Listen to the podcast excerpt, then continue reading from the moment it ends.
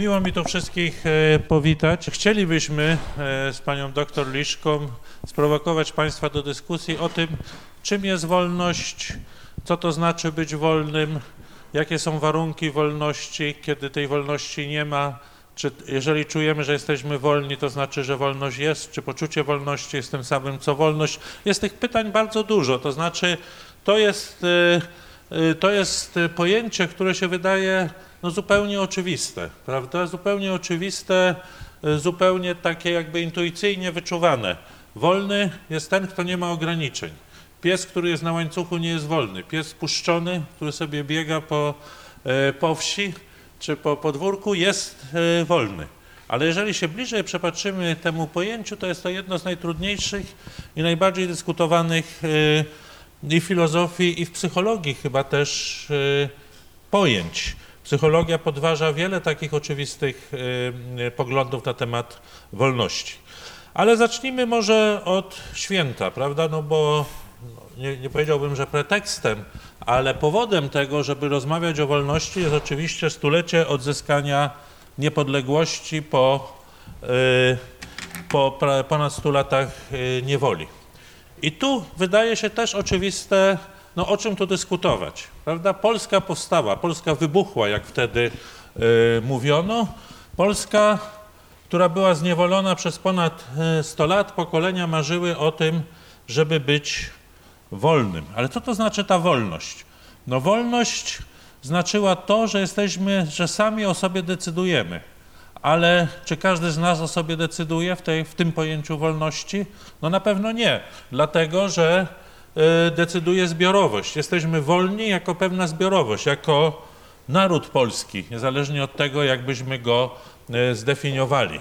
I wtedy, już wtedy było jasne dla wielu, y, no, prezydent Duda czytał fragmenty przedwiośnia Żeromskiego co prawda w zmienionej trochę wersji, uspółcześnionej, że tak powiem, ale, ale czytano.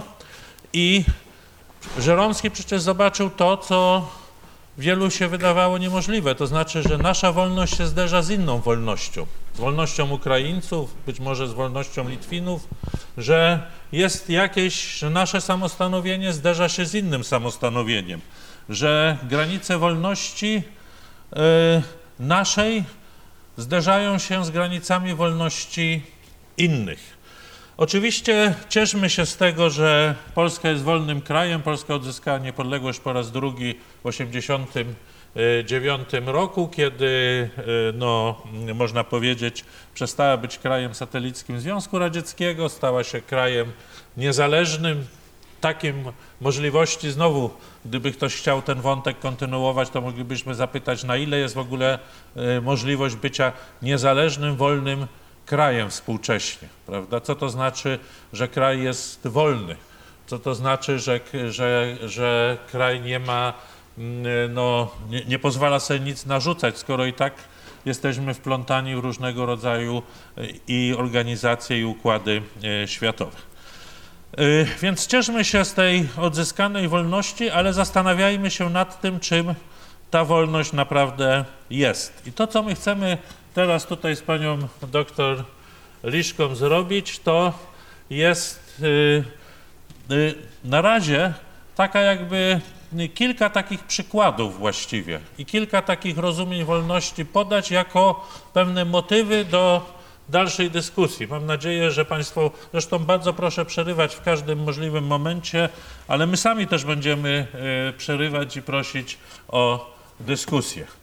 Pani doktor Liszka jest wybitną specjalistką od filozofii, ale przede wszystkim od judaizmu, tak można powiedzieć, od filozofii żydowskiej, od tej tradycji judaistycznej, w której wolność jest jedną z najważniejszych kategorii. I zaczniemy Y, od tutaj takiego przykładu, który pani doktor nam poda i przeanalizuje. Dobrze, ja jednak też, też skorzystam z tego mobilnego mikrofonu. Dobrze. Drodzy Państwo, zapewne każdy z Państwa kiedyś słyszał przynajmniej raz historię o wyjściu z Egiptu, tak? o wyzwoleniu Izraelitów e, z niewoli egipskiej. Chciałabym wyjść od tej historii jako pewnej matrycy e, opowieści o emancypacji grupowej. Jakby kierując się też takim e, swoim zamiłowaniem do filozofii przykładu, uważam, że przykłady bardzo dużo dają filozofii, więc to jest też jakby tak spójne z tym, co myślę w ogóle poza, poza tym tematem wolności. Więc jakby o czym, o czym opowiada ta historia? Jakby w jej centrum e, znajduje się postać Mojżesza, urodzonego e, w momencie takiego nasilenia prześladowań wobec Izraelitów. Mojżesz wychowany na dworze faraona e, solidaryzuje się jednak ze swoimi współbratemcami. E, w pewnym momencie zostaje powołany przez Boga do, mm, byśmy powiedzieli, motywowania Izraelitów e, do wejścia na tą ścieżkę wolności, a także do tego, by w jakiś sposób wymusić na faraonie wypuszczenie Izraelitów z Egiptu. No jak Państwo wiedzą, nie będziemy całej tej historii po krok po kroku jakby analizować. E, udaje się, tak? E, Izraelici wychodzą z Egiptu. Mm, kolejnym przystankiem jest pustynia. E, pustynia, mm, na której dzieje się całkiem sporo, bo, mm, że tak powiem, jest całkiem dużo czasu, żeby, dużo czasu, żeby się działo, tak? 40 lat. Proszę Państwa, y, ta historia jest jedną z formatywnych historii judaizmu, ale my nie będziemy się, w, że tak powiem, nie będziemy mm, e, szli bardzo mocno w głąb takiego part, part, tej partykularnej historii. Zaznaczymy sobie tylko to, że mm, dla judaizmu ta historia nie kończy się wyzwoleniem. E, tym momentem wyzwolenia, wyjścia z niewoli, tak? tym momentem emancypacji czy tej negatywnej wolności. Ta historia ma drugi ważny akt, to znaczy akt przymierza synajskiego, czyli ustanowienia e, pewnej umowy między Bogiem a Izraelitami e, mm, i nadania prawa.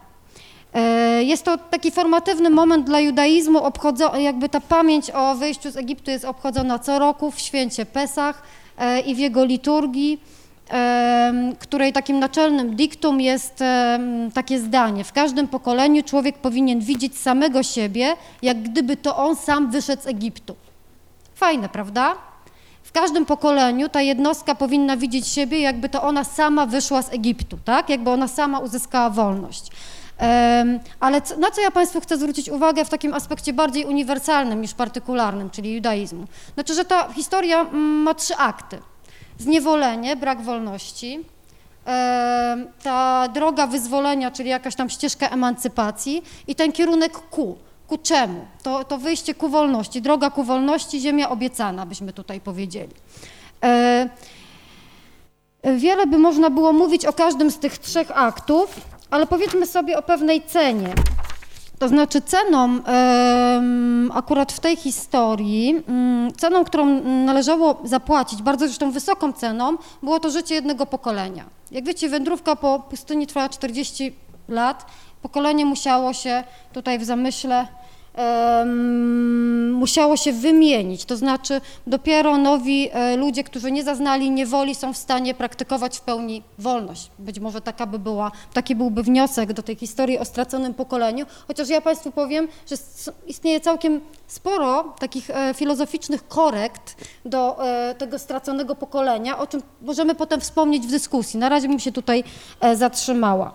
To, co chciałabym podkreślić, to taką, mm, może taką rzecz, to znaczy, że w tej historii to, to, co my jednak widzimy, co się w niej przewija, to, mm, to, to jednak pragnienie wolności i motywacja dążenia do wolności. To, że wolność jest czymś, do czego warto dążyć i za co warto zapłacić pewną cenę. Ale czy zawsze tak jest, e, że w tych, e, e, drogi Leszku, że w tych kolektywnych wyzwoleniach, emancypacjach, w tym przejściu jakby z tej, ze stanu tyranii, jakiegoś przymusu, czy my zawsze wolności pragniemy za tą wysoką cenę, czy można znaleźć też inne historie? Aha. No właśnie, można znaleźć inne historie i tutaj chciałem opowiedzieć Państwu tą taką inną historię, która jest bardzo pouczająca i może też ciekawa być i dla psychologów, i dla e, filozofów. Ta historia jest e, opowieścią o pewnej kolonii francuskiej w Ameryce. I w tej kolonii, do tej kolonii francuskiej dotarły dotarły hasła rewolucji paździer... nie październikowej, tylko mamy listopad, to widocznie mi się włączają dawne schematy. Rewolucji francuskiej i niewolnictwo zniesiono. E, panowie, którzy zarządzali niewolnikami, podporządkowali się temu jako dobrzy obywatele, zresztą sami być może byli przejęci hasłami rewolucji, uważali, że wstydem jest to, że oni mają niewolników. I e, niewolnicy się rozbiegli, zaczęli wolne życie, przestali być niewolnikami. I wtedy, po jakimś czasie, po, nie wiem jaki to był czas, rok czy E, czy dwa, niewolnicy stwierdzili, że im się bardzo ciężko żyje bez kontroli, że im się bardzo ciężko żyje, że oni nie chcą być wolni.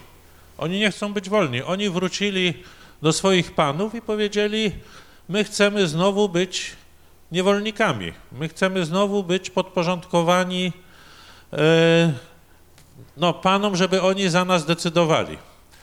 No ale w tym czasie panowie którzy, tak jak mówiłem, no przypuszczalnie też byli, też wierzyli w ideały rewolucji e, francuskiej, e, nie chcieli tego, oni powiedzieli, nie, wy już jesteście wolnymi ludźmi, wy jesteście takimi jak my. No i według tej opowieści sprawa się skończyła tak, że niewolnicy z wściekłości, że panowie nie chcą ich na nowo zniewolić, pozabijali swoich panów. Pozabijali swoich panów i zemścili się w ten sposób za to, że Y, że y, nie chcieli y, ich znowu wziąć, znowu wziąć w niewolę. I to jest, wydaje mi się, ten drugi aspekt, który się przewija przez dzieje filozofii, ale też ma znaczenie w psychologii. No psychologii, ci z Państwa, którzy są tutaj z psychologii, to na pewno wielokrotnie słyszeli na różnych zajęciach o tak zwanym syndromie sztokholmskim, prawda? Kiedy porwani e, zakładnicy zaczęli się identyfikować ze swoimi prześladowcami. E, filozofii natomiast, e, no, taką powiedziałbym pouczającą, nie wiem jak to powiedzieć, bajkę czy legendę wymyślił taki filozof XVI-wieczny Hobbes, filozof angielski, który powiedział tak, Człowiek jest okropny. Człowiek z natury swojej jest istotą złą. Y, człowiek y, w stosunku do innego człowieka jest wilkiem. Dzisiaj wiemy, że to, że to y, była obraza dla wilków, bo wilki są bardzo porządnymi, bardzo społecznymi stworzeniami i wcale się nawzajem nie zagryzają i nie walczą ze sobą bez przerwy. No ale to była ta czarna legenda, legenda wilków. I Hobbes mówi, jeżeli ktoś nad tobą nie panuje, to nie można żyć, to nie da się żyć. To po prostu jesteś zagrożony. W każdej chwili ktoś przyjdzie i ciebie zabije. No i Hobbes mówi, co zrobili wtedy ludzie? Ludzie chcieli być wolni, ale chcieli być bezpieczni. Co jest ważniejsze? No i wybrali bezpieczeństwo. Wybrali bezpieczeństwo i stworzyli państwo. Powiedzieli, oddajemy część naszej wolności władcy w zamian za to, że będzie no, powoła straże, policję, podatki i tak dalej, będziemy żyć bezpiecznie, choć będziemy zniewoleni. I taki jest, zdaniem Hobbesa, początek państwa. Państwo jest zawsze skierowane przeciwko, y, przeciwko, naszej, y, y, przeciwko naszej wolności. Ale można na to odpowiedzieć inaczej że, że Hobbes, to co zrobił Hobbes, to on zdefiniował wolność w taki specyficzny sposób. I to też można powiedzieć, że ta tradycja takiego rozumienia wolności gdzieś w filozofii się plącze. Wolność jako świadome zniewolenie. To znaczy wiemy, że nie jesteśmy wolni, ale akceptujemy ten fakt z jakichś innych y, powodów. Akceptujemy dlatego, no tutaj właśnie jak to u Hobbesa, akceptujemy ze względu na bezpieczeństwo, akceptujemy ze względu na, mm, na jakieś, powiedziałbym, ograniczenia, które nas, nas e, spotykają. Prawda? Wolność z tej legendy, z tej bajki wynika, że wolność jest zawsze w pewnym kontekście, w pewnym otoczeniu, prawda? Nie ma wolności absolutnej. Możemy mieć albo, yy, albo pewną część wolności, albo mniejszą lub większą. No i oczywiście tutaj jest yy, pytanie, yy, ile wolności sprawia, że czujemy się wolni. I tu jest y, kolejny y, problem, który mi się wydaje y, możemy rozpatrywać, mianowicie wolności jako ciężaru, wolności jako pewnego problemu, prawda? Ten problem staje u Hobbesa, że ludzie no, nie mogą żyć niezniewoleni, bo by się pozabijali, natomiast no jest y, też przerażające doświadczenie XX wieku. Milionów, miliardów ludzi zafascynowanych i uwielbiających tyranów, prawda? Ludzi, którzy y, gotowi byli ginąć za Hitlera czy ginąć za Stalina, mimo tego, że wiedzieli, czym to grozi. Dla mnie y, tutaj zaraz E, pani doktor się na ten temat wypowie, tylko skończę takim jednym przykładem, który jest dla mnie taki bardzo poruszający. Może ktoś z Państwa czytał e, reportaże Swietłany Aleksiejewny, laureatki Nagrody Nobla z reportażu, pierwszej takiej białoruskiej, która napisała tą zresztą wstrząsającą i znakomitą książkę o kobietach na wojnie. I tam jest taki moment, kiedy no, y, taka sytuacja, którą ktoś jej opowiadał, że dostało się do niewoli pewna jakaś tam grupa tych y, kobiecych żołnierek y, radzieckich. No i jeden z oficerów niemieckich poruszony urodą czy gracją jednej z tych kobiet mówi do niej, słuchaj, mówi, ja cię wypuszczę, ale muszę mieć jakiś pretekst. Powiedz, że Stalin to gówno i nikt tego przecież nie będzie słyszał, nikt nie powie, ja cię puszczę i i sobie pójdziesz i, i będzie wszystko dobrze. No i ona tego nie powiedziała i wolała zginąć. Ale to jest, e, to jest oczywiście taki bardzo e, dramatyczny moment, ale y, dlaczego właśnie w życiu codziennym w życiu codziennym no, tyle osób ulega, uległo wtedy, pytanie oczywiście, czy dalej ulegamy, to jest, ale to jest inne pytanie, tej fascynacji no właśnie takim zniewoleniem. Czemu samo się, sami się oddali w niewolę, jak ci niewolnicy z Haiti, tylko że ich Pan ich przyjął bardzo chętnie, nie chciał wcale ich odrzucić. No i tu Kasia powie yy, yy, morał tej historii. Nie, jeszcze nie powiem, zaskoczycie może morału tej historii, ponieważ przeskoczyłeś bardzo ważny punkt naszej dyskusji, a ja nie chcę wcale, żeby on był przeskoczony. To znaczy, mm, zanim o tym, e, to, to, jeszcze powiedzmy sobie dwie rzeczy. To znaczy, ja rzeczywiście zaraz przejdę do tego tematu, bo, bo na tym mi bardzo zależy. Do tej pory, tak jakby chronologicznie patrząc na naszą rozmowę, e, no postawiliśmy powiedzmy takie pytania. Czy wolność jest wartością, czy jest nieznośnym ciężarem, tak? Mówiliśmy, podaliśmy przykład na temat e, historii emancypacji zbiorowej, czyli zbiorowego dążenia do wolności, ale powinni, porządkując to, powinniśmy sobie od razu powiedzieć, że oprócz tej wolności zbiorowej mamy też wolność jednostkową i powiedzieć, zastanowić się nad tym, jakie jest napięcie pomiędzy wolnością grupową a wolnością jednostkową. I jeszcze kolejną rzecz, którą powinniśmy uporządkować, bo do tej pory posługowaliśmy się pewnymi pojęciami, ale tego nie porządkowaliśmy, to jest właśnie to napięcie pomiędzy wolnością negatywną a wolnością pozytywną.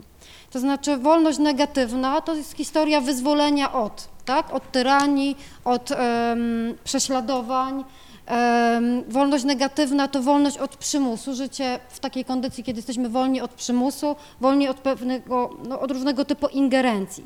Zaś wolność pozytywną oczywiście o wiele trudniej zdefiniować, więc na razie sobie pozostawmy tylko, że wolność pozytywna to jest wolność do, do być może właśnie do, do samostanowienia, ale też do wielu innych E, e, do samorealizacji możemy tutaj różne rzeczy włożyć. E, na razie tylko sobie postawmy te, zostawmy te jakby pojęcia, bo to jest ważne, żeby nimi operować, te takie dychotomie. I jeszcze zanim przejdziemy do tego momentu, o którym mówiłeś Leszku, czyli do takiego uwzględnienia, powiedzielibyśmy takiego czynnika irracjonalnego w człowieku, do takiej, do takiego, do tej próby odpowiedzi na pytanie, dlaczego tak wielu ludzi wybiera zrzeczenie się wolności, wybiera stan niepełnoletności, to ja Ciebie, Leszku, chciałam Tak. zapytać e, o ten wątek, który tutaj z rozbiegu pominęliśmy, to znaczy o taką koncepcję wolności, e, w której e, jakby wolność ma coś wspólnego z dorosłością. Aha. Nie, nie myślę, że pomi- pominęliśmy. Zacznijmy już dyskutować między sobą, bo yy, w dalszym ciągu ten tok, yy, wydaje mi się, jest jakoś tam spójny. I tutaj jest problem taki, mianowicie, jak mówiliśmy o tej wolności, o ucieczce od wolności, o tym, że wolność może być ciężarem, no to pojawia się też problem taki, czy Y, y, od jakich ograniczeń wolność jest wolnością, prawda? Y, W wypadku tego psa to mamy łatwy, łatwą odpowiedź. Pies, y, który jest na łańcuchu czy na smyczy, nie jest wolny. Pies, który jest spuszczony z łańcucha czy smyczy, jest wolny. Ale, ale przecież wszyscy wiemy, że dobrze wytresowany pies y, będzie na gwizd pana wracał. On nie, ma fizycznych ograniczeń, on nie ma fizycznych, no powiedzmy, nie ma fizycznej smyczy, ale ma smycz psychiczną, prawda? Ma smycz psychiczną. I teraz, jeżeli mówimy o wolności, to y, musimy się zastanowić, czy wolność to jest tylko y, ograniczenie, y, ograniczenie zewnętrzne, prawda? Czy wolność to jest tylko ograniczenie zewnętrzne? Czy wolność też nie jest jakimś, czy, czy zagrożenie dla wolności nie wynikają z naszych ograniczeń wewnętrznych, z tego, co jest w nas, prawda? Pies nie ma na szyi obroży, nie ma smyczy, ale e, ten pan, jego pan istnieje w nim, prawda? W nim, tak przynajmniej możemy to sobie myśleć, chociaż psychologowie, no, może jakoś to inaczej definiowali.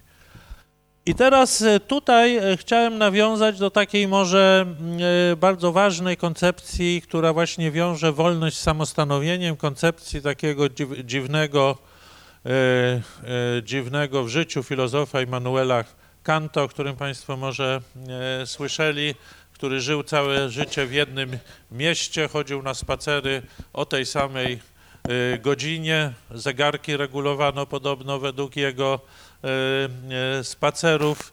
E, Nigdy go żadne szaleństwa nie pociągały, ale, ale no, zajmował go bardzo problem wolności, prawda?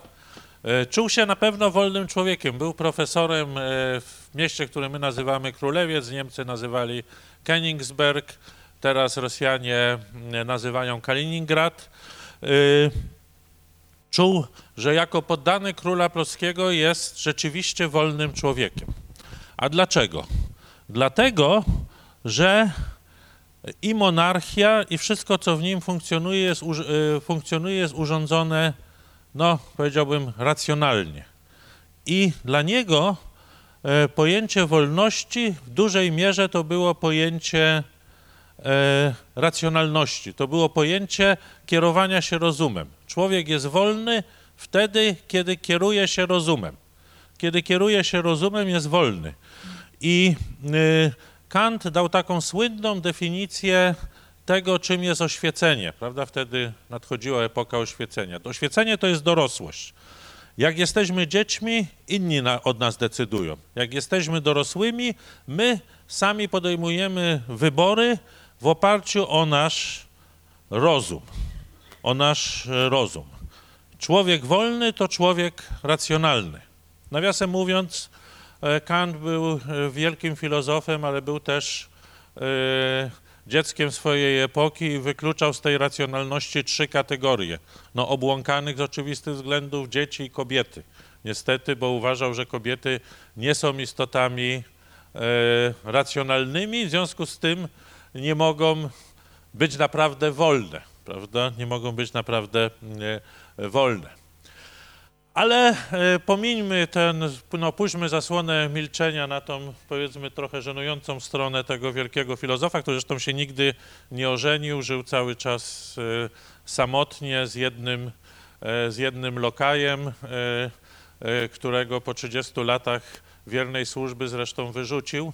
Jak pisze jeden z biografów, nic dziwnego, bo lokaj zawsze przychodził w czerwonym kubraczku, a wtedy ubrał niebieski. Dla Kanta to był taki wstrząs, że po prostu stwierdził, że nie może już tego e, znieść i tego wiernego sługę e, zwolnił. Ale poważnie, wracając do poważnych e, rozważań, Kant miał dużo racji. To znaczy, wolni jesteśmy wtedy, kiedy nie ulegamy wewnętrznym emocjom. No bo co nam z wolności, no powiedzmy ten przestępca, prawda? Przestępca mówi, no jestem zniewolony, bo mam tutaj kraty, prawda? ale wychodzi i popełnia ten sam czyn i znowu trafia do więzienia. I potem mówi, no impuls, coś mnie pchało. Czyli on wyszedł z więzienia, dalej nie jest wolny. Ale takie wielkie pytanie, wielkie pytanie filozofii, wielkie pytanie psychologii jest takie, czy my kiedykolwiek jesteśmy wolni. Prawda? Ci, którzy studiują psychologię, nie wiem ilu ich tutaj jest, no to się uczą cały czas e, o czynnikach, które wpływają na człowieka, wewnętrznych czynnikach, prawda? Ile jest e, emocjonalnych, niezauważalnych bodźców, ile jest e, naszych decyzji, które podejmujemy w sposób całkowicie, całkowicie nieracjonalny. Kiedy nie znajdziemy, kiedy nawet nie jesteśmy Y, y, nie jesteśmy y, w ogóle, często psychologowie mówią, że nie jesteśmy świadomi nawet tego, co robimy. Nie jesteśmy świadomi motywów, które, które podejmujemy. Prawda? Kant mówił o człowieku racjonalnym, mówił o, nie tylko o człowieku, on mówił, że każda, że je, każda istota rozumna we wszechświecie będzie się kierować według praw, no właśnie takich, które dyktuje rozum ale na dobrą sprawę, czy takie istoty y, możemy, możemy znaleźć, prawda? 100 y, lat po Kancie, ponad 100 lat po Kancie, wielki psycholog, z kolei twórca psychoanalizy Freud, mówi coś takiego, my w ogóle nie jesteśmy niczego świadomi. Decydują y, za nas pewne doświadczenia, pewne doświadczenia dzieciństwa, prawda?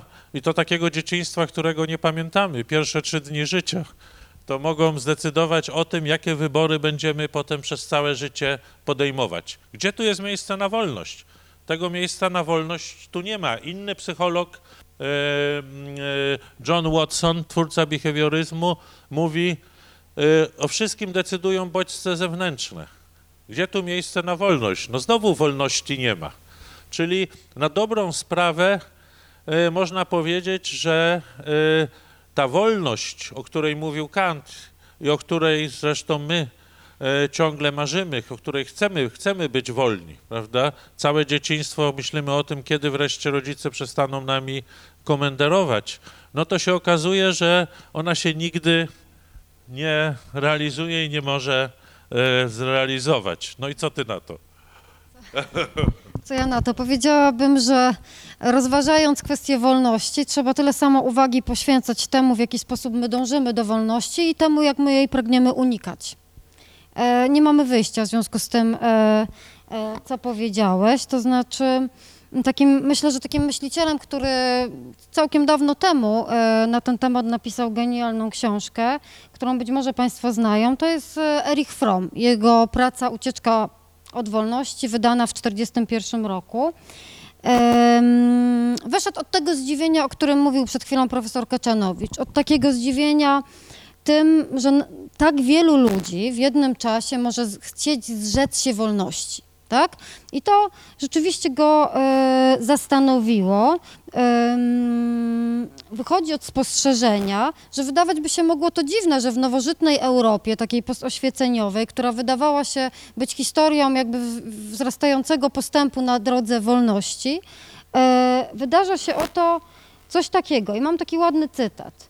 Lecz, up, e, lecz upłynęło zaledwie kilka lat, a już wyłoniły się nowe systemy, które zaprzeczyły wszystkiemu, co w przekonaniu ludzi osiągnięto w ciągu wiekowe, wiekowych zmagań. Istota tych nowych systemów, którym udało się owładnąć całym społecznym i osobistym życiem człowieka, było podporządkowanie wszystkich ludzi, z wyjątkiem małej garstki, władzy, nad którą nie było kontroli. E, o czym mówi Fromm? Czy wiedzą Państwo? O jakim okresie w historii? O jakim państwie? O jakim niebezpieczeństwie? Słucham? No, o dwóch państwach, ale głównie analizuje, głównie tą pracę poświęcił, tak, analizie genezy nazizmu e, i, i, konsekwencji, choć nie tylko, i, i, jakby konsekwencji e, różnego jakby rodzaju, tak, e, tego, tego zjawiska. E, drodzy Państwo,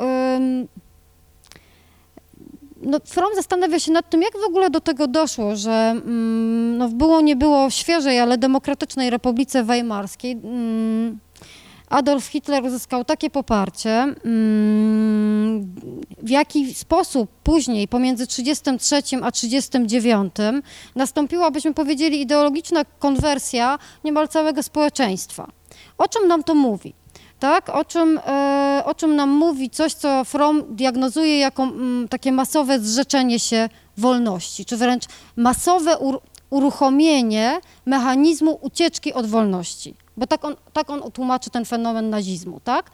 E, więc e, tutaj znowu odwołując się do tego, co mówiłeś, do tego wątku e, mm, freudowskiego, tak? Fromm analizuje, jakie są wewnętrzne przeszkody, tego, żebyśmy, tego, czy my w ogóle możemy być wolni, czy nie. Na, na jakie przeszkody my natrafiamy w sobie, a nie wychodząc z Egiptu, powiedzmy, tak? Tylko w sobie, e, w nas samych, w naszej jaźni, E, ale też oczywiście analiza Froma nie dotyczy jedynie jakby takiej, powiedzielibyśmy, kwestii wewnętrznej, nie, nie, nie, tylko psychologii, ale przede wszystkim psychologii społecznej, więc również czynników społecznych. Więc proszę Państwa, dla tych, którzy tą książkę czytali, to tym będzie łatwiej, bo ja oczywiście nie będę tej książki streszczać, ale może powiem o takiej głównej e, tezie e, Froma, który kieruje nam, nas jakby ku takiej myśli, że człowiek z przyjemnością że tak powiem, e, oddaje się, czy tam rozpuszcza się w czymś większym.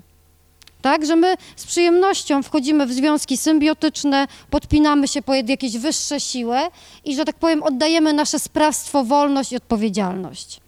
E, no, czynimy tak, e, no według Froma, pragnąc jakby nawiązać takie zastępcze relacje ze światem, zerwane e, w trakcie takiej ostrej separacji, jaką było, były narodziny. Natomiast e, oczywiście te, te, tego typu związki mm, na bazie właśnie tej dynamiki sadomasochizmu, czy na bazie tego charakteru autorytarnego nie są związkami produktywnymi. E, I teraz taki ładny cytat, cytat, który bardzo lubię. Przekonaliśmy się, że człowiek nie może znieść tej wolności negatywnej, e, o którą zresztą tak walczył, e, że próbuje uciec w nowe więzy, mające zastąpić mu więzy pierwotne, których się wyrzekł. Jednak te nowe więzy nie sprzymierzają go na, tak naprawdę ze światem. Człowiek osiąga więc swoje nowe bezpieczeństwo za cenę rezygnacji z integralności swojego ja. Zatem mm, tym, co, tym, co jakby to pytanie, które eksponuje From, to byłoby takie pytanie, kto jest w ogóle w stanie być wolny?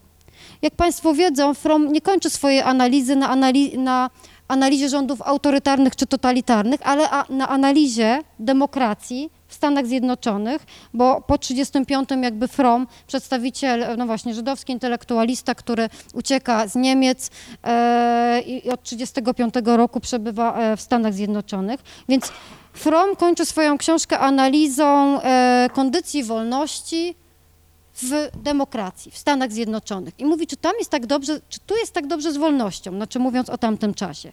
I czy tutaj tak ładnie e, zadaje to pytanie, a jak się ma sprawa z nami?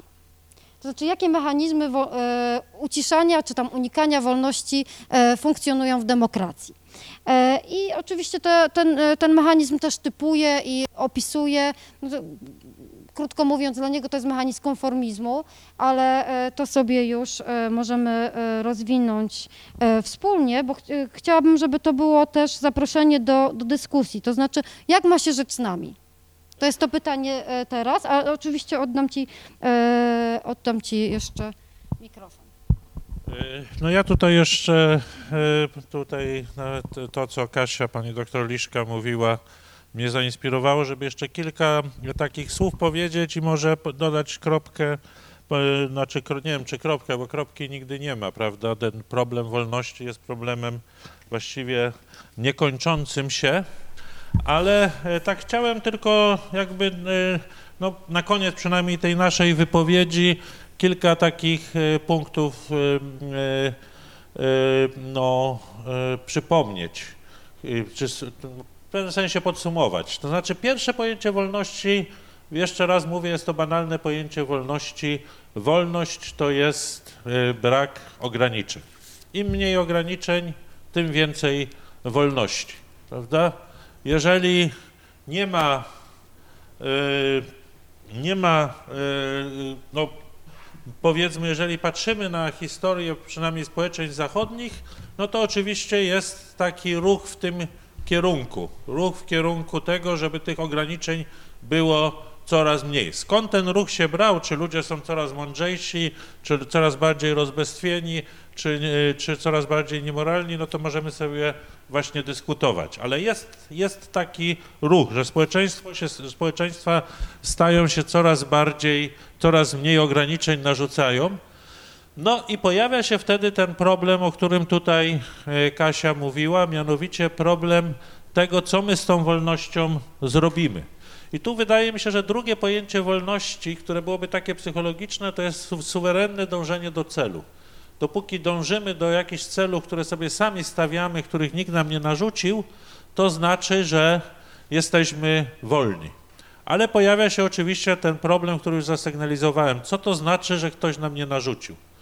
Jeżeli znowu psychologowie badają na przykład coś takiego jak anoreksja, prawda? Te dziewczyny, no bo to są dziewczyny w większości, chociaż pojawia się podobno anoreksja męska, które y, walczą o to, żeby być jak najchudsze, no uważają, że nikt im tego nie narzucił, że to jest ich, ich wewnętrzna decyzja, prawda? Wiemy, no z kolei chłopcy, którzy y, ja, ja uważam, że czasami się mówi, że nasza epoka to jest epoką takiego ułatwionego życia, ale ja czasami zdarza mi się pójść na siłownię, tak to, to trochę dla zdrowia i widzę ludzi, młodych chłopców, którzy godzinami, jak święci średniowieczni y, w ascezie, to oni po prostu godzinami ćwiczą, żeby uzyskać odpowiednie, e, no nie wiem co właściwie, bo się nie znam na tym, ale w każdym razie coś uzyskują no to można powiedzieć, że y, współczesna epoka jest, jest no, takim jakimś ograniczeniem wolności. To jest oczywiście to, co Kasia tutaj mówiła, to jest ten konformizm, prawda? To, co Fromm powiedział, no co z tego, że w demokracji amerykańskiej jest wolność, y, kiedy wszyscy i tak, znają Państwo to słynne powiedzenie, jak y, Henry Ford, jak zaczął produkować samochody na masową skalę, to był pierwszy samochód produkowany, mówi, Obywatel amerykański może sobie wybrać dowolny kolor, byle to był kolor czarny, bo produkował w jednym, y, w jednym, y, w jednym kolorze, prawda? Także to jest y, wolność jako dążenie do celu, ale czy to jest do zrealizowania? No i jest jeszcze też taka smutna definicja wolności, że wolność to jest uświadomienie sobie ograniczeń. Wolność to jest oświadomienie sobie, jak to ładnie powiedział taki filozof niemiecki y, y, Hegel, wolność to jest uświadomienie konieczności. Że wolności po prostu my wiemy, że coś jest konieczne, to czy inne rzeczy są konieczne, no tak jak to się mówi, dwie rzeczy są pewne i oczywiste, prawda, że wszyscy umrzemy i że będziemy płacić podatki. To właśnie musimy się z tym pogodzić i tutaj nasza wolność nie polega na tym, że się buntujemy, tylko że to, to y, akceptujemy. I te różne definicje wolności walczą ze sobą. E, Nie będę tutaj oczywiście tego opowiadał, ale jestem pod wrażeniem, no to nie jest już modny pisarz teraz, ale za czasów mojej młodości był nawet no taki, no bo był i partyjny, i komunistyczny. Napisał, Leon Kluczkowski napisał taką sztukę Pierwszy Dzień Wolności. I mi się to strasznie podoba, bo to właściwie jest sztuka, taki eksperyment psychologiczny. Wychodzi trzech oficerów, którzy przez pięć lat byli w niewoli niemieckiej. Co tam robili, to robili. Wchodzą do takiego małego miasteczka niemieckiego, gdzie jest no, niewiele osób, jest taki lekarz, są jego córki i każdy z nich ma koncepcję, co to znaczy być wolnym po pięciu latach zniewolenia. Można wszystko zrobić, prawda? Dochodzi do gwałtu. Jeden mówi, że teraz jestem wolny, mogę wszystko zrobić, Niemcy mi różne rzeczy robili, ja się mogę na nich zemścić. Inny będzie mówi, że teraz, że w obozie studiował perski, będzie studiował perski, bo to jest jego decyzja i tak dalej, i tak dalej. Te, te rozumienia wolności się, się e, ze sobą, e, ze sobą kłócą i mi się wydaje, że w życiu codziennym też tak jest, że my ciągle mamy ten problem z tym, co to znaczy być wolnym, bo wszyscy chcemy być wolni. Wolność jest ogromną wartością współczesnego e, społeczeństwa. No i mi wydaje mi się, że tutaj trzeba zakończyć e, jednym jeszcze nazwiskiem, o którym myśmy zapomnieli, Michela Foucault, mi się wydaje. To taki też e, dziwny, jak wszyscy filozofowie, filozof francuski, dziwny człowiek, o którego życiorysie można bardzo różne rzeczy opowiadać. On powiedział coś takiego, że właściwie władza jest wszędzie. To był, to był taki przewrót, że właściwie wolności w ogóle nie ma. Władza jest wszędzie.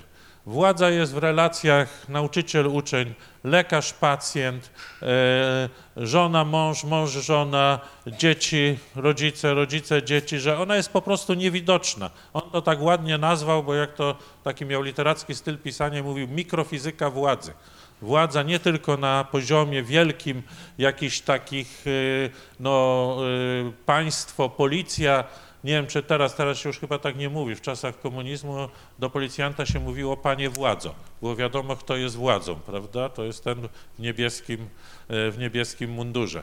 Ale Foucault mówi to nieprawda, no lekarz, który cię leczy też jest panem czy panią władzą, prawda. Każdy, każdy, władza jest wszędzie i właściwie E, I co więcej, władza udaje, że nie jest władzą. Lekarz nie mówi, e, jak, e, że mu sprawia przyjemność, że powie pacjentowi taką czy inną rzecz, tylko no kiedyś taki lekarz mi powiedział, że najgorsi to są pacjenci, którzy nie palą i nie piją, bo jak przyjdzie pacjent i mówi, coś mnie tam boli, kuje w boku, E, no to mówię, niech pan przestanie palić, to pomoże. A jak mówię, a ja nie palę, to niech pan przestanie pić. No i tak 90% e, ta rada, no już się nie pokażą, bo nie będą chcieli e, się, się narażać na takie uwagi. Ale Foucault by powiedział, to jest właśnie wyraz władzy. To jest wyraz władzy i to lekarz może udawać, że, że on to robi dla dobra pacjenta, znaczy on nie udaje, on też myśli, że robi, ale tak myślę przynajmniej, większość lekarzy takich jest, ale to jest egzekwowanie władzy. Tak samo jeżeli chodzi o nauczycieli, jeżeli chodzi o rodziców i tak dalej. Władza jest po prostu wszędzie, ona jest przez to taka perwersyjna, że ona jest niewidoczna. No, to jest bardzo taki ponury obraz y, społeczeństwa. Y, sam Foucault y, uważał, że y, tylko y, Właściwie wolność to jest no, jakieś pierwsze dwa, trzy dni rewolucji, kiedy jeszcze nic, wszystko już zostało zniszczone, a nic nowego jeszcze nie powstało. Dlatego Foucault no, szukał takich miejsc. Przyjeżdżał tutaj e, e, z darami w e, powstanie wojennym do Polski, żeby, do Polski, żeby no, pomagać ludziom, bo uważał, że to jest właśnie walka, walka e, e, z tą wszechogarniającą władzą. No, ale można sobie zadać pytanie, jeżeli władza jest wszędzie, to może jej właściwie nigdzie nie ma, prawda? Może jest tylko w nas, a tak naprawdę poza nami y, jej nie ma. Ale to tylko, żeby Państwa sprowokować, bo tak nie myślę. Dobra, dziękuję bardzo i teraz proszę o dyskusję.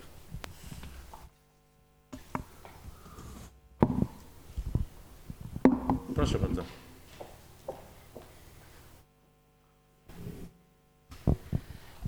Dzień dobry. Mam też inne określenie. To na zajęciach sprawa powiedział nam profesor na dzień dobry, że wolność jednego człowieka kończy się tam, gdzie zaczyna się wolność drugiego.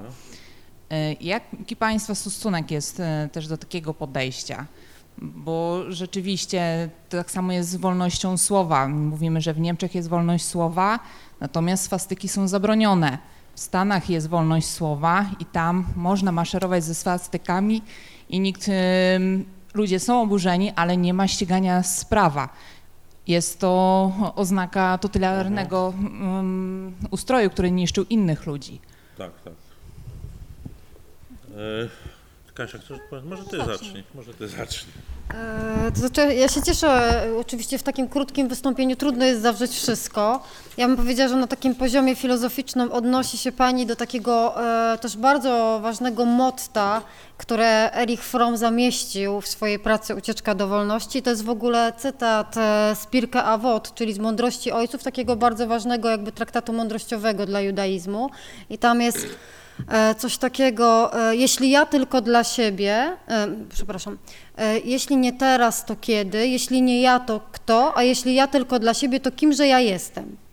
Czyli to jest to właśnie, że jeśli ja tylko dla siebie, czyli moja wolność się tylko liczy, to w zasadzie kim ja jestem. Czyli to jakby, o, myślę, że to jest bardzo ważny wątek. To jest ten moment, w którym wolność spotyka się z odpowiedzialnością.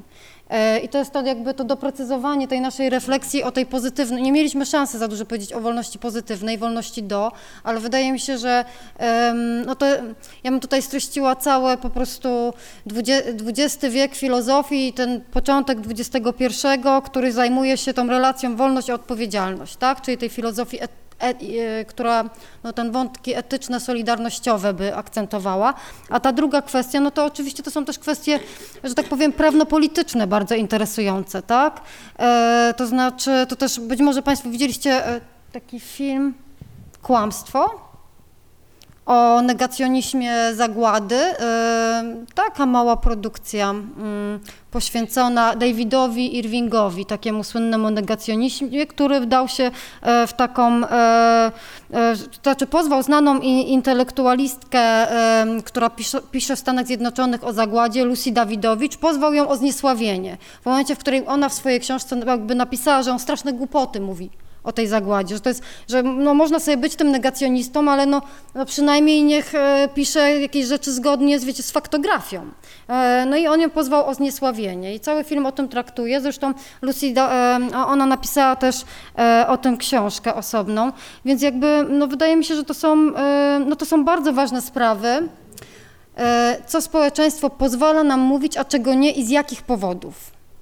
E, no i tak bym to zostawiła, może byś chciał dalej ten wątek znaczy, no nie, nie, wiem, czy tutaj się da zrobić, bo to jest, o, tutaj są wybitni prawnicy, to niby, którzy analizują, jest y, doktor Paździora, który analizuje procesy o e, bluźnierstwo, prawda, które są e, w Polsce e, prowadzone.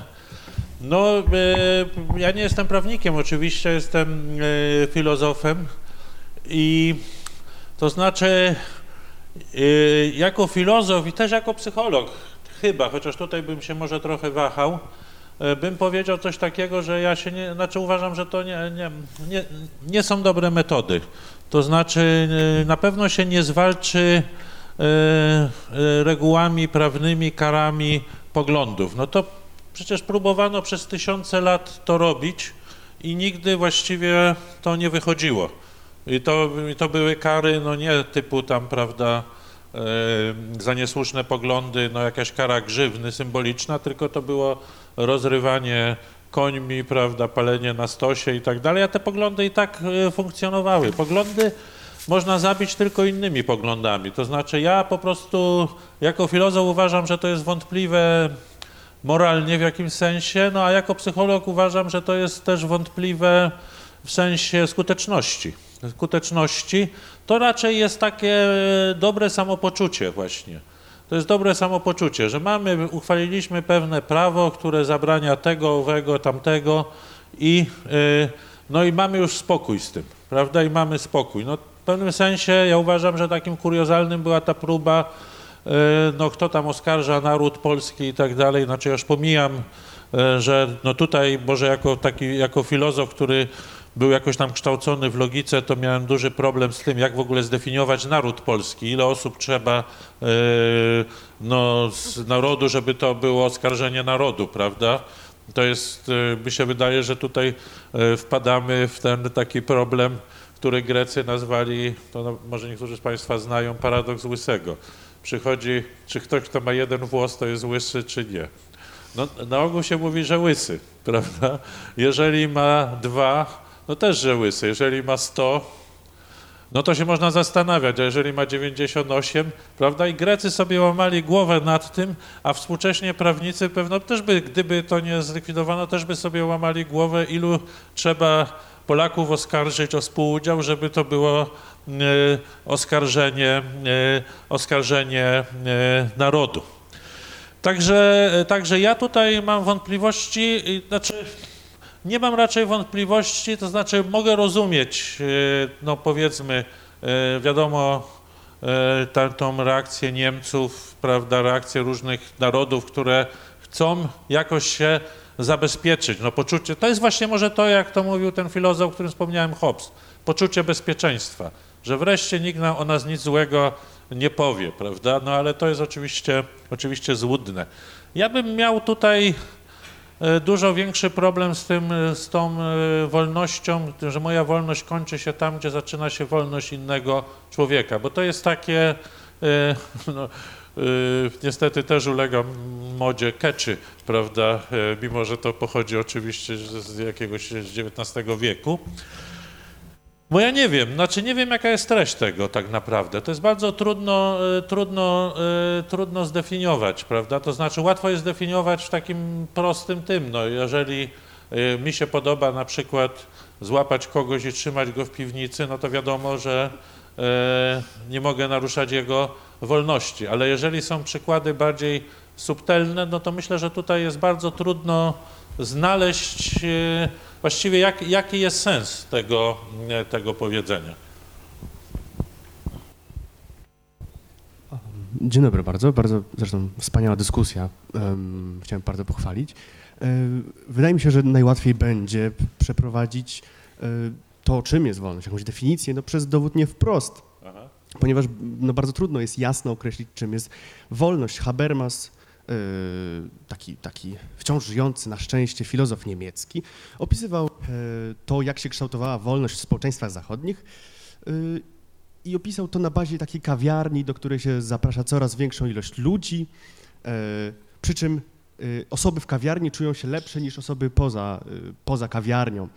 I zastanawiał się, czy E, no i tak było, że na przykład ciągle tam się była taka koncepcja emancypacji tych ludzi spoza kawiarni. Na początku to byli, e, co tam w XVI wieku? No, no, trzeci stan, na przykład chłopi, potem jacyś e, e, Żydzi, tak, potem jacyś murzyni, prawda, bo oni nigdy nie mogli głosować. E, no i zaproszono coraz większą ilość ludzi, przy czym e, Habermas wysnuł, wysnuł taką koncepcję, że w gruncie rzeczy to, jak się dokonuje emancypacja na Zachodzie, musi się e, no, kiedyś skończyć, w sensie, e, no bo będzie, zacznie być irracjonalne. W XX wieku została zanegowana e, klasa i płeć oraz język przede wszystkim został uznany za prawda, opresyjny, tak, mamy Wittgensteina, którego tam E, opisuje, że no, język musi cię determinować, prawda, nie możesz wyjść poza język, o czym nie można mówić, o tym trzeba milczeć. No więc wolnością na pewno nie jest skrajna emancypacja wszystkich e, osób od wszystkiego, tak, no musimy przyjąć jakąś e, pozytywną wolność, w której dąży się do jakichś cnót. To jest oczywiście arystotelesowska mm, koncepcja, że wolność osoby, jednostki może dokonywać się tylko przez e, czynienie dobroci i podążanie w drogą cnoty. E, no zresztą e, jeszcze tutaj chciałem się odnieść do e, mojej pani przedmówczyni, która powiedziała, że profesor, profesor, prawi, od prawa, profesor prawa powiedział, że wolność kończy się tam, gdzie zaczyna się wolność drugiej osoby. Na przykład to jest y, bardzo poważny problem z, tym, z tą tezą, bo y, jak załatwić na przykład sprawę nekrofilii, tak? No ktoś, no musimy posiadać jakieś założenie y, epistemologiczne, jakieś założenie o duszy ludzkiej, y, no bo proszę popatrzeć, jeśli y, człowiek nie ma duszy, no w zasadzie no, to czym są zwłoki? No można je masakrować po śmierci, tak? Jaki jest problem? Mm, przy tym, czy wolność na przykład człowieka e, wykracza poza jego życie? No dla chrześcijan na przykład na pewno, tak? Nie można na przykład sobie zbesztać kogoś zwłok, ale na przykład pytanie, że dla materialistów, dla osób, które nie uznają duszy albo nie uznają jakiejś em, godności człowieka, albo uznają zwłoki za tylko zwłoki. No, nekrofilia już jest sprawą dyskusyjną. Dziękuję. Kasia.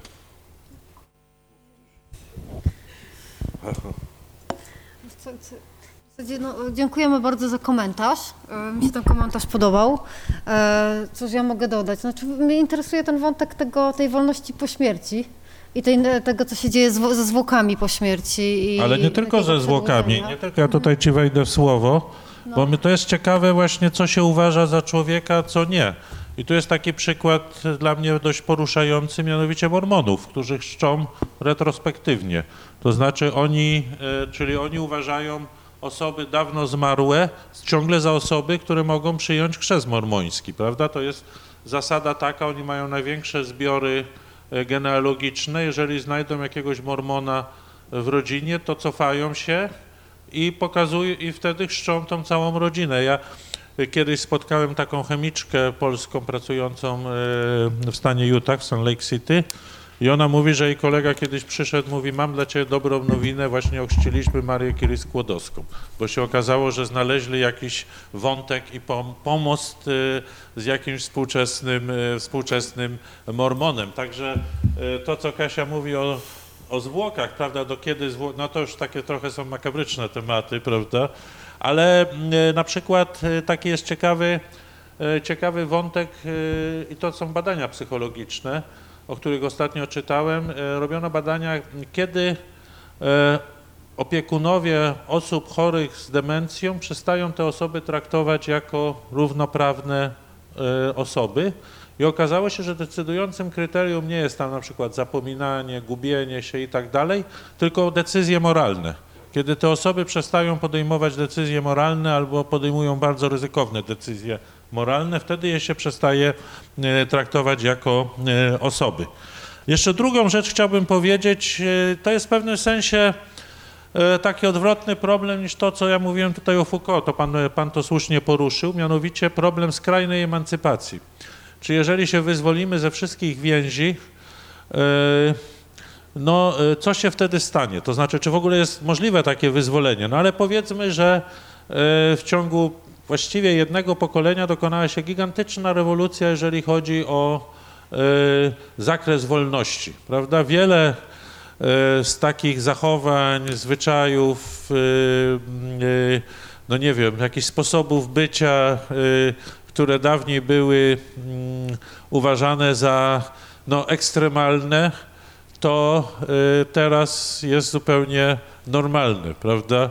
Ja, ja no, może jestem starym człowiekiem, mam powiedzmy 64 lata w tej chwili, ale no, to nie jest y, jeszcze taki wiek, y, żebym no jakby, y, jakbym żył, znaczy nie mam poczucia, że żyłem w innej epoce, ale czasami mam. No na przykład w moich czasach w 70 latach, czyli no powiedzmy 40 lat temu, Właściwie nie było do pomyślenia, żeby student na egzamin y, przyszedł w podkoszulku i jakichś klapkach, a teraz to się zdarza i to nie tak rzadko.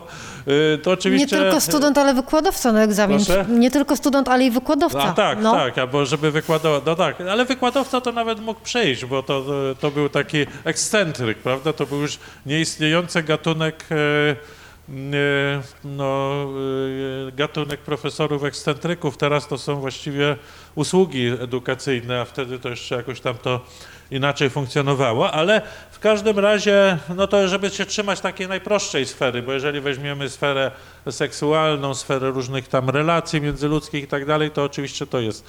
I tu być może, że rzeczywiście wtedy jedynym protestem jest takie, yy, samo zniewolenie.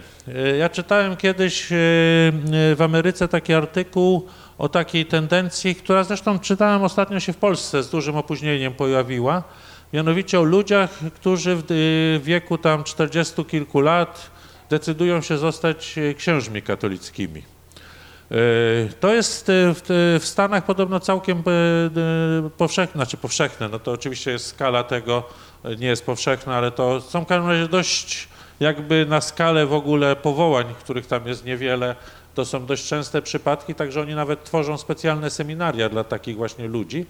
Ale właśnie tam były rozmowy z tymi ludźmi i oni mówili w epoce, w której wszystko jest e, dozwolone, w której wszystko jest e, możliwe, no to może decyzja zostania księdzem z tymi wszystkimi ograniczeniami, e, jakie oczywiście to narzucę, jeżeli ktoś oczywiście serio traktuje, nie mówię tu o filmie Claire, to, no to, jest, no to jest takim buntem przeciwko, przeciwko, przeciwko temu. Ale nie wydaje mi się, żeby to było na skalę masową. To raczej mi się wydaje, że ta emancypacja chyba będzie postępować i będziemy mieć coraz więcej problemów i dyskusji, no, czy są jakiekolwiek granice, prawda, jak Pan mówił o tej emancypacji, yy, yy, która tak ma te coraz tą, tej kawiarni, no to pytanie, te, teraz mamy, no właściwie już większość chyba się zgadza co do tego, że zwierzęta też powinniśmy do tej kawiarni yy, wpuścić, prawda? Być może dać im jakiś kącik i, i, i, no i tam karmę dobrą i tak dalej, wodę czystą, ale że, że one już tam, już tam są, no a teraz będziemy mieć problem e, z robotami, prawda, niedługo. E, I na przykład w tej chwili e, jest dyskusja, jak daleko się można posunąć seks robotem, prawda, czy można zgwałcić takiego robota. I nawet wyprodukowano robota, który ma tryb reakcji na gwałt. Wyłącza się, staje się obojętnym. Robot kobieta oczywiście, bo ja myślę, że to całkiem sensowne rozwiązanie no, jednak. No, no. To znaczy, e, biorąc pod uwagę na przykład ilość filmów science fiction, które pewnie Państwo widzieli, dotyczącej tej fantazji co do e, no jakby robotów e, człowieko takich humanoidów, tak, człowiekopodobnych i tego, co tym robotom można robić, a co West, nie. Westworld. Widziałeś ten film? Akurat ten nie, ale widziałam jakiś taki skandynawski o, o, o, o takich właśnie zbuntowanych robotach i o tym, co można im zrobić, a co nie no to myślę, że to całkiem sensowne, biorąc pod uwagę e, praktykowanie wolności. E, I wiecie, jednak twarz to twarz, oczy to oczy, więc przyzwyczajanie się do tego, że można z robotem zrobić wszystko, nie, nie widzę tego jako pozytywnego rozwiązania. Natomiast e, no myślę, że to jest też interesujący wątek tego, z tym, mm, tego o czym jakby powiedziałeś, o e, wszyscy, którzy widzieli Blade Runnera, e, tą, tą nową część, to jakby też e, mogą pewnie przytaknąć, że, że no jest temat, tak? E, zarówno ze zwierzętami, jak i z tymi mm, z poszerzającą się możliwością tworzenia e, inteligencji sztucznej. No. E, ja jeszcze tylko chciałem dodać, zrobić taką małą adnotację do um, Pana tutaj wykładu um, dotyczącego tej emancypacji znaczy wydaje się, że w pewnych społeczeństwach ona będzie postępować, a w niektórych e, się zatrzyma albo wręcz się odwróci. Na przykład mamy przecież e, e, państwo kanadyjskie, które wprowadziło, to już chyba rok, prawo C16, w którym nakazuje się mm, osobom nie heteronormatywnym używać osób transseksualnych, tak? No i to jest nakaz państwowy, który odbił się szerokim echem w, w światopoglądzie, w dyskusji o polityce kanadyjskiej i są głosy, że no, to już jednak jest troszeczkę za dużo, a partia, która to wprowadziła, no, traci bardzo dużo, e, spore poparcie. Ucieczka od wolności Froma to była książka, z której byłem egzaminowany na egzaminie wstępnym na filozofię akurat. E, I sprawiała mi tam duże e, intelektualne problemy, ale więcej jak z lektury Froma nauczyłem się o wolności, przynajmniej taką inspirację miałem, e, z wiersza e, Marii Konopnickiej, który czytałem w liceum. Nikt nie lubi tych wierszy, ale ona napisała taki wiersz Wolny najmita.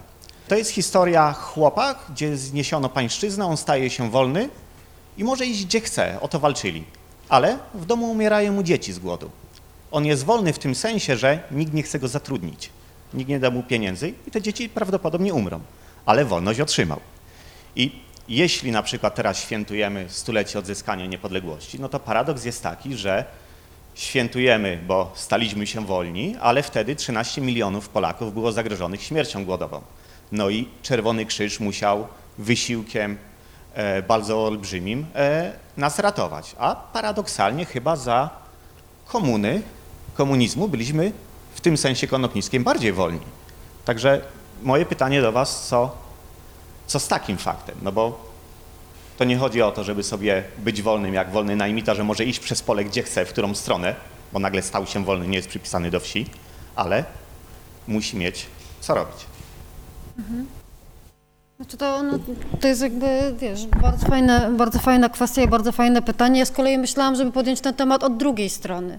To znaczy od tego momentu, w którym my jesteśmy. To znaczy żyjąc w gospodarce nadmiaru, e, jakby też tego, że nasze wyobrażenie o tym, co to jest wybór, wolna decyzja, trochę kształtuje to, jak my wybieramy w supermarkecie.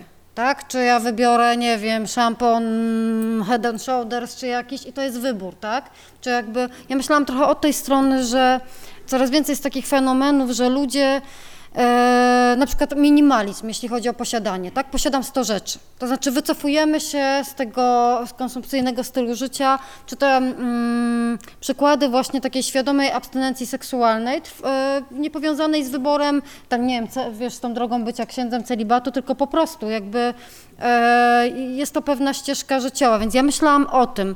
Zaczęłaś od tej strony jakby mm, funkcjonowania wolności przy skrajnym niedoborze ekonomicznym. No myślę sobie, że e, oczywiście w naszej dyskusji jest tak, że jest pewnym komfortem i luksusem bycie w tej części świata i dyskutowanie o wolności. Em, no jakby w odniesieniu do Darfuru, e, Ruandy czy pozostałych części świata, no myślę sobie, że jesteśmy w całkiem dobrym miejscu, nie? Czy jakby w, w kontekście tego kryzysu e, imigracyjnego em, i też tego dylematu wolność a, niebezpie- a bezpieczeństwo, e, nasze życie kontra e, życie ludzi i też to pytanie Judith Butler, czyje życie, że tak powiem, jest godne opłakiwania, a które nie, e, no to myślę sobie, że kierujesz nas na no, no bardzo ważne e, pytania. No, e, ważne, ale takie powiedziałbym e, przeklęte, bo, no bo to jest ten, ten wieczny, no wieczny, to powiedzmy od kiedy tam się zaczęła dyskusja na ten temat, no ten problem, prawda?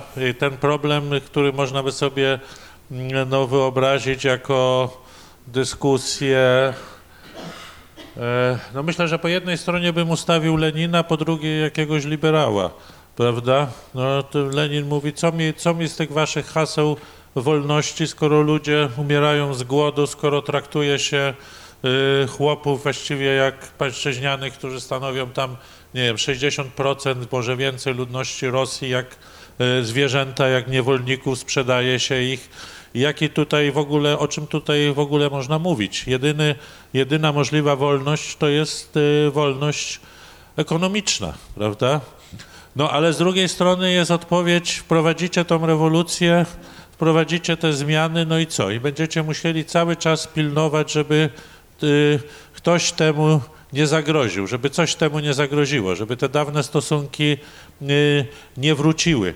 Ja nie mam specjalnej nostalgii do systemu komunistycznego. Zresztą ten system komunistyczny, który ja znałem, y, czyli powiedzmy późne lata 60. nawet i 70., no to był system takiego coraz bardziej łagodniejącego autorytaryzmu, prawda, kiedy co były, no, w- świecie akademickim to właściwie te dyskusje były y, zupełnie y, w większości nieskrępowane, aczkolwiek oczywiście no, wisiało jakieś takie, jakieś takie widmo, ale to jest temat do osobnej dyskusji.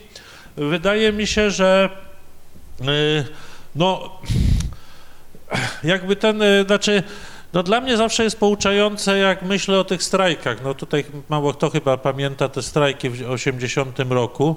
Jeżeli Państwo byli w Gdańsku, no to to jest chyba w Spiżu wyryte, prawda? Podnieść y, dietę delegacyjną tam o 5 złotych, y, poprawić jakość jedzenia w stołówce i tak dalej, i tak dalej. Na te słynne postulaty może dwa są polityczne, reszta jest e, całkowicie, całkowicie, no taka powiedziałbym ekonomiczna, którą zresztą łatwo było zrealizować i w jakimś momencie zresztą próbowano to zrealizować.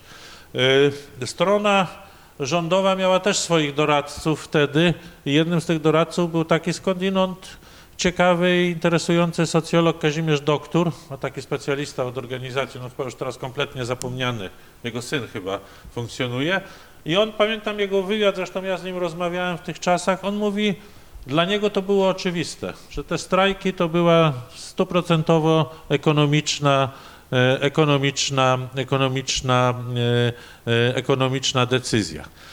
Ale, ale, ale, no jest jakaś taka dziwna, e, dziwna relacja między ekonomią a polityką. E, Ja kiedyś uczestniczyłem w robieniu filmów, e, kiedy jeździliśmy do e, podróżnych, dawnych dysydentach. To było 10 lat po upadku komunizmu i myśmy z nimi robili wy, wywiady. I byliśmy na Węgrzech i rozmawialiśmy z takim e, pisarzem. On mówi tak, no był ten 56 rok na Węgrzech, straszne rzeczy się działo, wymordowano wiele ludzi. Po 10 latach Kadar zaproponował pakt. I mówi, no ja wam tutaj dam trochę mięsa, trochę wolności, to był ten tak zwany gulaszowy socjalizm. Rzeczywiście Węgry, ja byłem e, na Węgrzech w 70 latach, to była dla nas, to był dla nas Zachód, to był w ogóle poziom życia nieporównywalny. Ale ten człowiek, on się nazywał Erdosi, bardzo zresztą bliski przyjaciel Lukacza, mówi coś takiego. W komunizmie jest jakiś dziwny, e, dziwne powiązanie między brakiem mięsa a pamięcią. Jak na Węgrzech zaczęło się gorzej dziać, jak zaczęto, y, zaczęto czuć kryzys ekonomiczny, a czy przypadkiem ten kadar to nie ten, co zabił Imre Nodzia? Zaczęto sobie to y, przypominać. Także mm, mi się wydaje, że te dwie strony są w jakiś tajemniczy sposób y, powiązane, ale no, nie, oczywiście nie podejmuje się tutaj, znaczy też powiem jak Kasia, że ważny temat podniosłeś, ale, y, y, ale nie podejmuje się tutaj, y, tutaj tego odpowiadać. No idealnie byłoby, gdyby było to i to. Mądrzejsi liberałowie, jest taki, był taki filozof John Rawls, to właśnie mówił, że mądry liberał to jest taki liberał, który, y, y, który no myśli o tym, jak urządzić sprawiedliwe społeczeństwo i nawet miał na to sposób, też tylko opowiem krótko, bo to ciekawe jest z punktu widzenia psychologicznego. On mówił coś takiego, jeżeli myślimy, jak społeczeństwo powinno być ułożone, to musimy siebie postawić, on to nazywał zasłona niewiedzy, bardzo ładnie, to znaczy nie wiemy, powiedzmy, tworzymy sobie społeczeństwo, zakładamy się, jakie społeczeństwo będzie i, nie wie, i musimy założyć, że nie wiemy, gdzie my wylądujemy w tym społeczeństwie. No to jaka jest najlepsza strategia? No przyjąć, że my wylądujemy na dnie, czyli tak to społeczeństwo urządzić, żeby ten, co jest na dnie i tak mógł się znaleźć gdzieś wyżej. No niestety yy, w Polsce my liberałów znamy tylko raczej od innej strony, więc, ale to już nas prowadzi w politykę, czego chcemy uniknąć.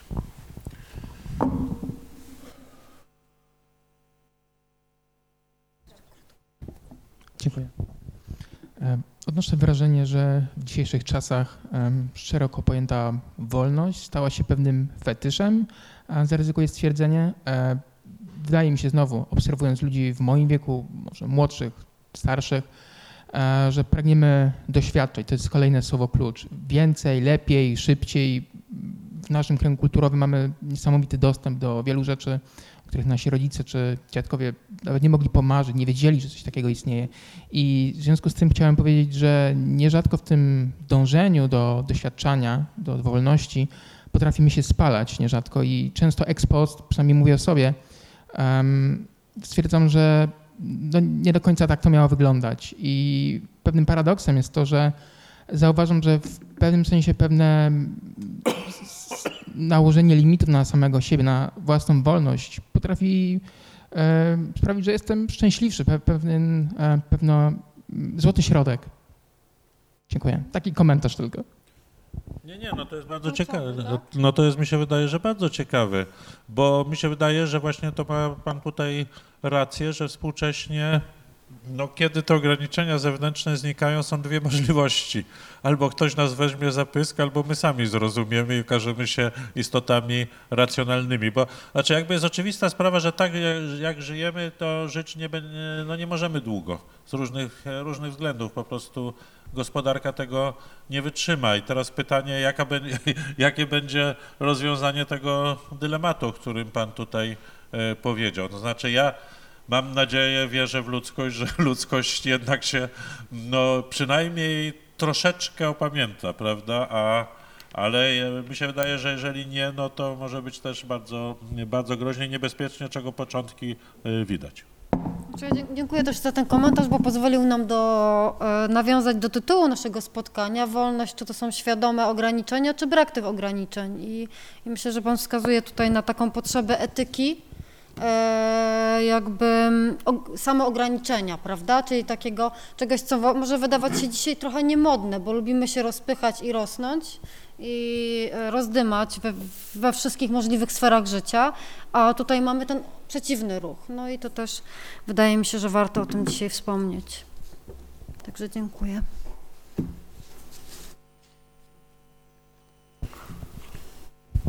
Dzień dobry. E, ja bym chciał się tylko podzielić swoimi przemyśleniami, e, bo tak słuchałem, słuchałem i według mnie nie, nie ma czegoś takiego jak wolność absolutna, ponieważ no, jakby sam fakt, że żyjemy w takiej rzeczywistości, w jakiej żyjemy jest ograniczeniem. E, mamy jedynie pięć zmysłów, mamy swoje potrzeby fizjologiczne, sam język jest ograniczeniem, jakby mm, nie wypowiemy więcej niż język na to pozwala, ewentualnie przez sztukę. No i więc musimy operować w ramach naszej rzeczywistości, jakby używając materiałów, które, które mamy. I nawet gdybyśmy uciekli do lasu, powiedzmy, i powiedzieli, że nie chcemy żyć w tym społeczeństwie, bo nas za bardzo ogranicza, to tak czy siak jesteśmy ograniczeni, ponieważ mimo tego, że nie musimy chodzić do pracy, nie musimy płacić podatków, to musimy spędzać ileś godzin dziennie szukając pożywienia, schronienia i mi się wydaje właśnie, że państwo i my to jest taka relacja symbiotyczna trochę, ponieważ zabiera jedno, ale oddaje nam drugie, tak. ponieważ pójdziemy na 8 godzin do pracy, w takim jakby typowym przykładzie yy, i w, w, w, przepraszam, w czasie wolnym yy, mamy jakby, wtedy jesteśmy wolni do spełniania swoich pasji chociażby, yy, nie musimy się martwić o podstawowe rzeczy typu właśnie jedzenie, przetrwanie, pożywienie. Chwileczkę, bo się zgubiłem. O mój Boże, to, to wszystko. Dobra, dziękujemy za komentarz.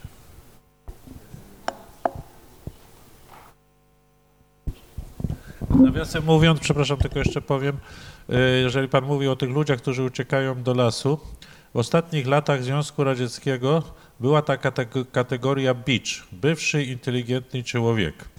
To byli właśnie ludzie, inteligenci, którzy no, zniesmaczeni tym życiem, y, tym uciekali gdzieś tam, no tam jest dużo lasów, do lasów syberyjskich i tak dalej, ale była wielka dyskusja, już się zaczęła w sferze publicznej, tylko Związek Radziecki się rozpadł, czy nie trzeba ich łapać, jakoś opodatkowywać, no bo oni przecież korzystają, prawda, tam leśnicy ciężko pracują i tak dalej, a oni sobie tam właśnie, tak jak pan mówi, łowią tą zwierzynę i ten bywszy inteligentny człowiek nie płaci podatków. No, nie, nic nie robi dla państwa, więc trzeba ich łapać i tam zmuszać do pracy.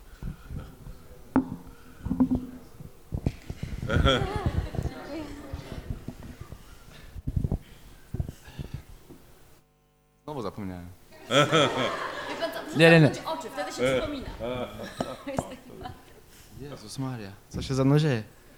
To może A, już wiem, już wiem, już wiem. E, przepraszam, że, że takie e, totalitarne systemy, bo to też e, to zmusiło mnie do przemyśleń, że one dają ludziom jakby jasny cel i to, i to cel zbiorowy i myślę, że wszyscy potrzebują celu i dlatego też jakby dyscyplina dobrze na nas działa, ponieważ wtedy czujemy się szczęśliwsi i bardziej spełnieni, mimo tego, że ta wolność jest ograniczana. I myślę, że dlatego te systemy totalitarne były tak skuteczne, ponieważ wszyscy mieli jasny cel i mogli też, mieli sojuszników wśród swoich bliskich i wszystkich w państwie. I po prostu wszyscy, tak samo, tak samo ideologia, jakby to była, tak samo jak religie, wszyscy jakby oddają się w ręce ideologii i są prowadzeni za ręce i, i myślę też, i jakby ludziom to ułatwia życie, ponieważ nie muszą myśleć też sami za siebie. E, dlatego to było tak, tak skuteczne, a, a prawdziwa wolność wydaje mi się, że mm, wiąże się też jakby z, z, z komplikacją życia, ponieważ to czasy, w których żyjemy są bardzo wolne i jest tyle wyborów, że dlatego też teraz jest tyle chorób jakby mentalnych, ponieważ jest tyle możliwości, że, że, że ludzie sobie nie radzą z tym. Ja na przykład wiem, sam wiem, bo dopiero wkraczam w życie dorosłe i do tej pory byłem prowadzony za rękę, a teraz mam morze ym, możliwości i, i, i to jest mocno komplikuje życie i jakby gdybym miał jasny cel narzucony już przez moje państwo i jego ustrój, to podejrzewam, że moje życie byłoby łatwiejsze, nie musiałbym myśleć za siebie. I myślę, że jakby no, prawdziwa wolność w ramach tej naszej rzeczywistości jest niewygodna i często bolesna. I myślę, że dlatego ludzie też często oddają się właśnie w ręce jakichś ideologii i systemów i jasnych celów. Dziękuję. Będę to powtarzał studentom. Gdy nie ma to jak dyscyplina. Dobry wieczór. Mnie tutaj interesowałby jeden wątek, który do tej pory nie został poruszony, mianowicie cała dyskusja, którą tutaj toczymy, mówimy o wolności, ale w moim odczuciu mówimy o takiej wolności zewnętrznej, o czymś, co jest na zewnątrz człowieka. Natomiast mnie zastanawia, czy drugą stroną tej wolności nie jest to, co ja noszę w sobie, czyli moja wolność, moje poczucie wolności. Tak się zainspirowała mnie wypowiedź pana, który tam u góry siedzi. Mówił o tych ludziach, którzy się emancypowali w kawiarni i użył takiego określenia, że wszyscy tam chcieli być i oni czuli się lepsi. W związku z tym moje pytanie, oni nie, pytanie, czy oni byli wolni?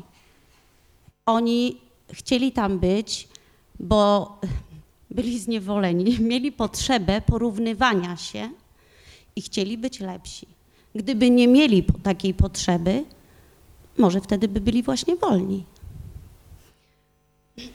Czyli po prostu no, chciałam zapytać, co Państwo tutaj, jak się odnoszą do tego poczucia i określenia wolność jest we mnie. To samo, co tutaj Pan mówił na przykład o tym y, współczesnym dążeniu i to jest taki zewnętrzny przymus, który tak naprawdę odbiera mi wolność, bo muszę iść za, za czasem, za modą, za wyborami, które, które gdzieś tam mi narzuca współczesne życie. W którym momencie kończy się moja wolność? Dziękujemy za, za e, te, e, ten ja komentarz. Kasiu, na, Mhm. Powiedz, bo to, to jest bardziej do ciebie, ale ja tylko jedną rzecz powiem, że dla mnie taką właśnie y, o, te poczucie wolności. Dla mnie to jest bardzo taka tajemnicza sprawa, dlaczego ludzie się czasem czują wolni, a czasem nie. Ja, y, bo dl- dla mnie to takim też, no przepraszam, y, już takim może te doświadczenia komunizmu na mnie działają. Y, Jak to się działo, że w systemie komunistycznym, gdzie była w zasadzie kontrola wszystkich y, środków medialnych i tak dalej, i tak dalej, i ciągle mówiono, że żyjemy w systemie, gdzie właśnie y, swobodno człowiek dyszy, to y, że czujemy, że jesteśmy tutaj całkowicie wolni, że to jest prawdziwa wolność. Wszyscy, praktycznie wszyscy, z wyjątkiem może jakichś tam intelektualistów, czuli, że jesteśmy zniewoleni. I to mnie właśnie bardzo interesuje, czy, że ludzie mają jakiś dziwny mechanizm, że się czują wolni, a w, w innych wypadkach się nie czują wolni i mimo całego systemu propagandowego. Ale to jest e, takie trochę marginalne, bo pani chyba chodziło nie. o co innego. Znaczy mi się, mi się, e, to znaczy to nawiązuje do naszej rozmowy. Przygotowując się do tej rozmowy, Leszek mi tak wytknął, czemu ty przecież poczucie wolności, a nie wolność? To są dwie inne rzeczy, bo ja, to są dwie różne rzeczy. A ja mówię, bo dla mnie to poczucie wolności też jest tematem, też jest ważne i jakby można mu pisać historię wolności, ale można pisać historię doświadczenia wolności. I to będą dwie różne historie, e, ale też ważne. Znaczy to e, oczywiście ja tutaj e, bym się nie kusiła na jakąś wielką odpowiedź, ale wydaje mi się, że no, dużo można by było przeczytać u stoików, prawda? U Epikteta, u Seneki, o tej właśnie, o tym człowieku, który buduje wewnętrzną twierdzę i osiąga ten ideał autarki, czyli niezależności, zdaje sobie sprawę, co jest od niego zależne, a co nie. Czyli za każdym razem tak się powiedzmy ten ideał by tak działał, że za każdym razem możemy wybrać, możemy się tak ustawić w tym życiu, prawda, że jakby opinia innych, nie wiem, kwestia bogactwa, nieprzewidywalności rzeczywistości to nas nie będzie dotykać, bo będziemy sobie w tej twierdzy wewnętrznej, w której jesteśmy wolni. Natomiast czy, no to, to też pytanie dla nas wszystkich, czy nam się udaje taką twierdzę zbudować? Czy chcemy w tej twierdzy być? Czy rzeczywiście taką optykę przyjmiemy? I co nam to zabiera? Ja bym skończył na tym dyskusję. Ja też bym na tym chętnie Ja skończyła, bym ale nie wiem, co Państwo na to. dyskusję, ale może jak Nie wiem, to- czy nie odbierzemy Państwu wolności. No Może właśnie. oni chcą.